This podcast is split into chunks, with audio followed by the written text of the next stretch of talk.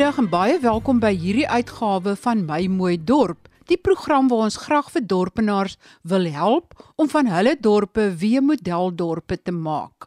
Ons fokus vandag op Parys, want daar is heelwat probleme met waterbesoedeling in Parys.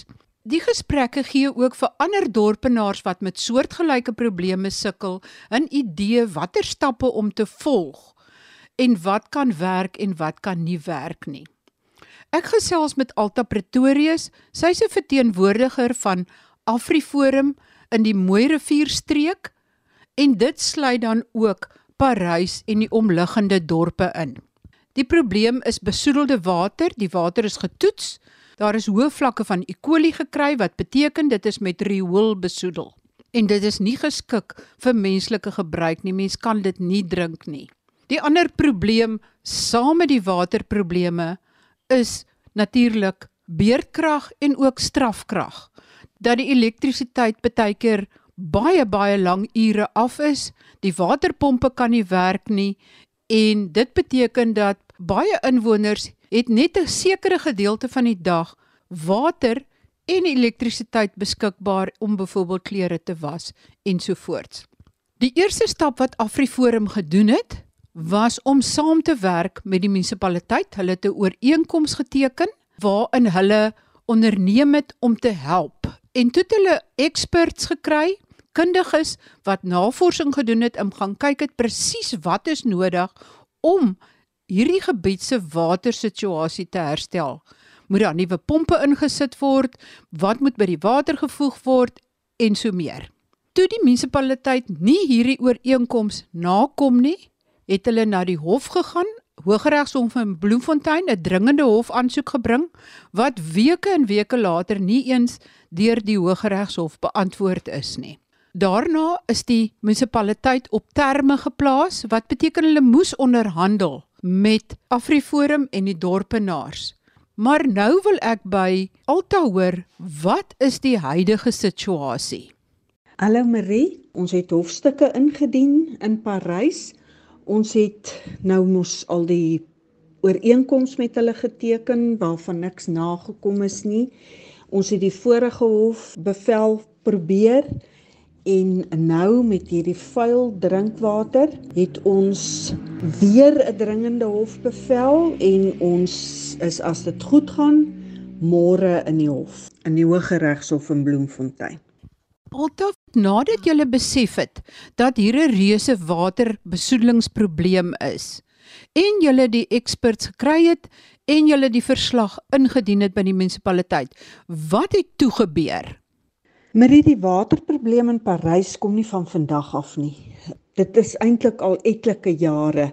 Ek is nou 3 jaar in die Mooi Rivierstreek en ons sukkel nog deurentyd met Parysse water. Dan is die water vuil, dan is daar nie water nie. So ons het nou al hier na die middel van verlede jaar toe het ons besef daar's 'n groot probleem en met die munisipaliteit onderhandelinge gehad en aan hulle voorgestel dat ons 'n uh, ooreenkoms met hulle wil teken waar ons hulle sal bystaan om kenners in te kry, experts wat die rioolwerke sowel as die watersuiweringswerke evalueer en dan aanbevelings sou maak oor wat gedoen moet word. En daardie deel sou ons kosteloos doen. En dan het ons ook aan hulle voorgestel dat ons het pionierdienste maatskappy waar ons ook van experts gebruik kan maak wat hulle kon help, maar dit sal natuurlik vir die munisipaliteit se rekening gaan en hulle het uiteindelik die ooreenkoms met ons geteken. Ons het ons kant gebring en die experts het omvattende verslae opgestel en ook 'n plan van wat gedoen moet word en uh, die munisipaliteit het net nooit iets daarvan gedoen nie. Nadat ons die verslae aan die munisipaliteit beskikbaar gestel het en hulle net niks gedoen het nie, het ons weer verskeie vergaderings met hulle gehad. Ons het selfs voorgestel dat ons hulle kon help om van hierdie toelae wat hulle kry, die fondse wat beskikbaar is vir munisipaliteite, hulle kon help om dit los te maak, om geld te kan kry om dit wat ons voorgestel het te kon doen. Maar daar het net niks gebeur nie. Hoeveel kundiges het julle gekry en wat het hulle gedoen en aanbeveel? Uh, Marie, ons het twee experts gekry wat die twee werke, die rioolwerke en die watersuiweringswerke fisies besoek het, gekyk het wat is die probleme daar, teruggegaan het, omvattende verslae opgestel het oor alles wat verkeerd is en dan ook aanbevelings gemaak het met 'n kosteberekening van hoe die munisipaliteit kon maak om albei die werke weer in 'n goeie werkende toestand te kry. Eenvoudig byvoorbeeld is dat die eerste ding was dat die munisipaliteit 'n kragopwekker moet kry, veral vir die watersuiweringswerke. Dat wanneer daar uh, kragonderbrekings is en met beurtkrag, dat hulle kan voortgaan om water te pomp sodat daar nie sulke groot tekorte kom nie, maar die munisipaliteit het niks van daardie goed gedoen nie. Nadat jy bewus geword het van die probleem, die verslae ingedien het en die munisipaliteit nie gereageer het nie, het jy 'n dringende hofaansoek gebring in die Hooggeregshof in Bloemfontein. Wat het daarvan geword?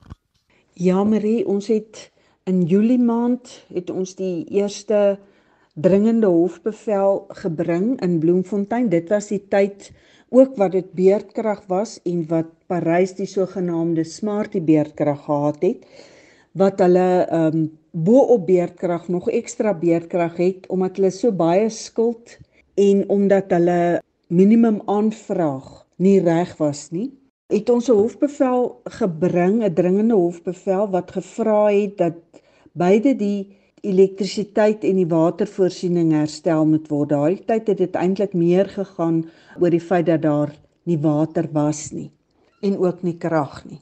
En ons wag nou nog vir die uitspraak op daardie dringende hofbevel. Julle het toe die munisipaliteit op terme geplaas. Het dit gehelp dat die munisipaliteit toe wel met julle ontmoet?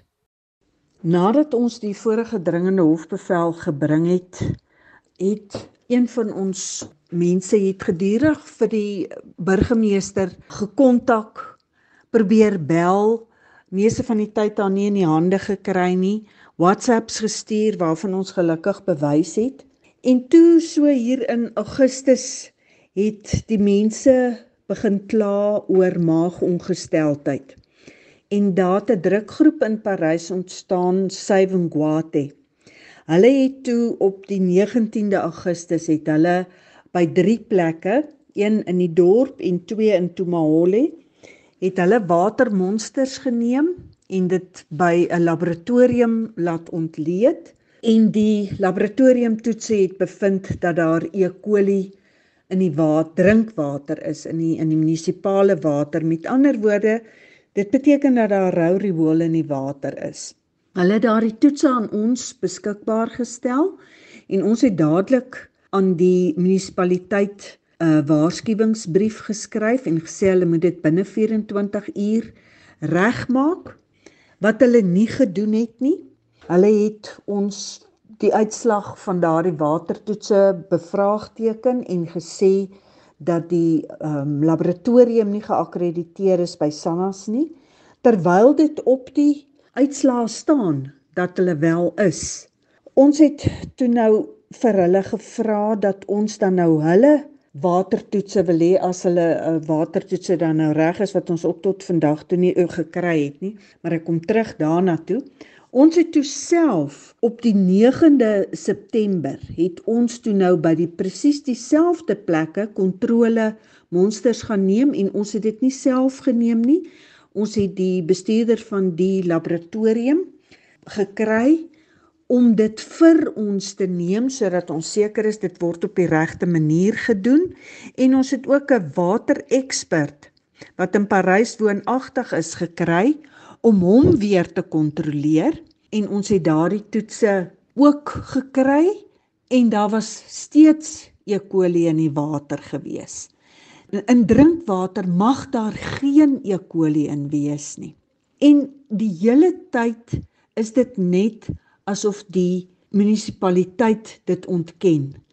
Ons het toe nou vir hulle watertoetse mos hulle uitslae gevra terwyl hulle dan nou ontken dat daar foute is met die water en hulle moes dit die maandag vir ons gegee het wat hulle nie gedoen het nie so net voor 5 toe kry ek 'n e-pos wat sê hulle kan dit nie die maandag gee nie, hulle sal dit die dinsdag gee.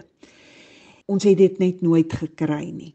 Dit was nou baie sleg geweest en dit het ons genoop om op die 19de September weer watertoetse gedoen, weer die uh, bestuurder van die laboratorium en weer die water spesialis wat kontrole gehad het en daar was steeds E. coli in die water gewees. En ons het ook by die tweede geleentheid waar ons toetse geneem het, wou ons die waterkarre waarmee hulle water in die woongebiede lewer, wou ons daardie water toets want volgens die ooreenkoms wat ons met die munisipaliteit het, het ons toegang tot die waterwerke. En ek meen daardie is mos darm water wat na die publiek toe gaan enige iemand behoort dit te kan toets want jy kan dit dan nou tap. En hulle het ons geweier.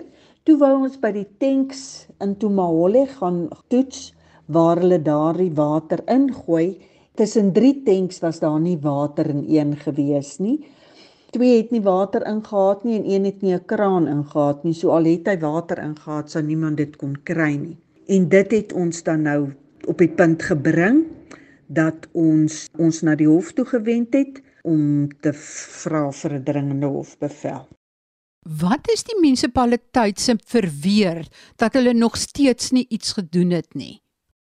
Die munisipaliteit se verweer was eintlik maar die ontkenning.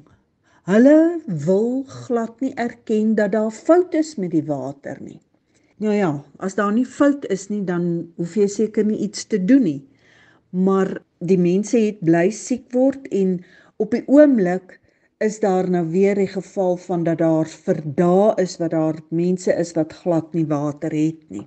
Ons het in totaal 3 watermonsters geneem. Syvengwati het een geneem en Afriforum het 2 geneem en al 3 die watermonsters toon steeds dat daar E. coli in die water is.